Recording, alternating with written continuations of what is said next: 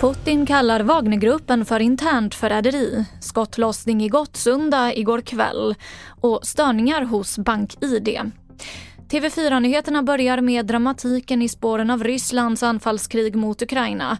Rysslands president Vladimir Putin kommenterade som ett internt förräderi att den ryska privatmilitära Wagnergruppens ledare Jevgenij Prigozjin öppet utmanar Rysslands militärledning.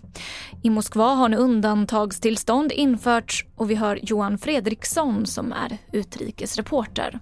Vi vet inte hur det här kommer sluta. Vi vet heller inte vilken eh, konsekven vilka konsekvenserna blir. Men att en eh, privatarmé på det här sättet gör en revolt och försöker störta försvarsminister Shoigu och generalstabschefen Gerasimov på det här sättet är förstås helt, eh, helt häpnadsväckande.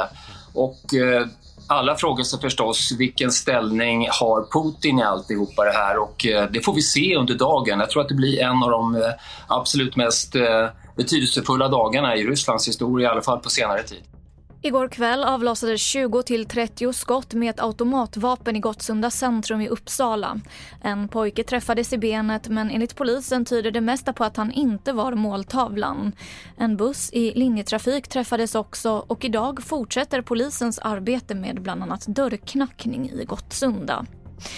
Till sist kan vi berätta att det är driftstörning hos BankID som bland annat påverkar Swish-betalningar och möjligheten att logga in till nätbanker. Det här framgår i Swish-appen som hänvisar kunder att ta kontakt med sina banker vid problem med transaktioner.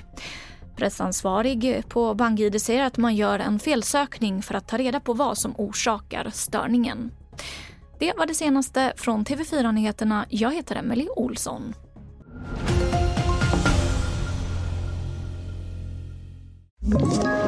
Ett poddtips från Podplay. I fallen jag aldrig glömmer djupdyker Hasse Aro i arbetet bakom några av Sveriges mest uppseendeväckande brottsutredningar.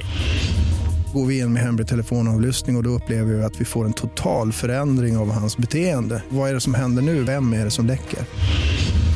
Och så säger han att jag är kriminell, jag har varit kriminell i hela mitt liv men att mörda ett barn, där går min gräns. Nya säsongen av Fallen jag aldrig glömmer på Podplay.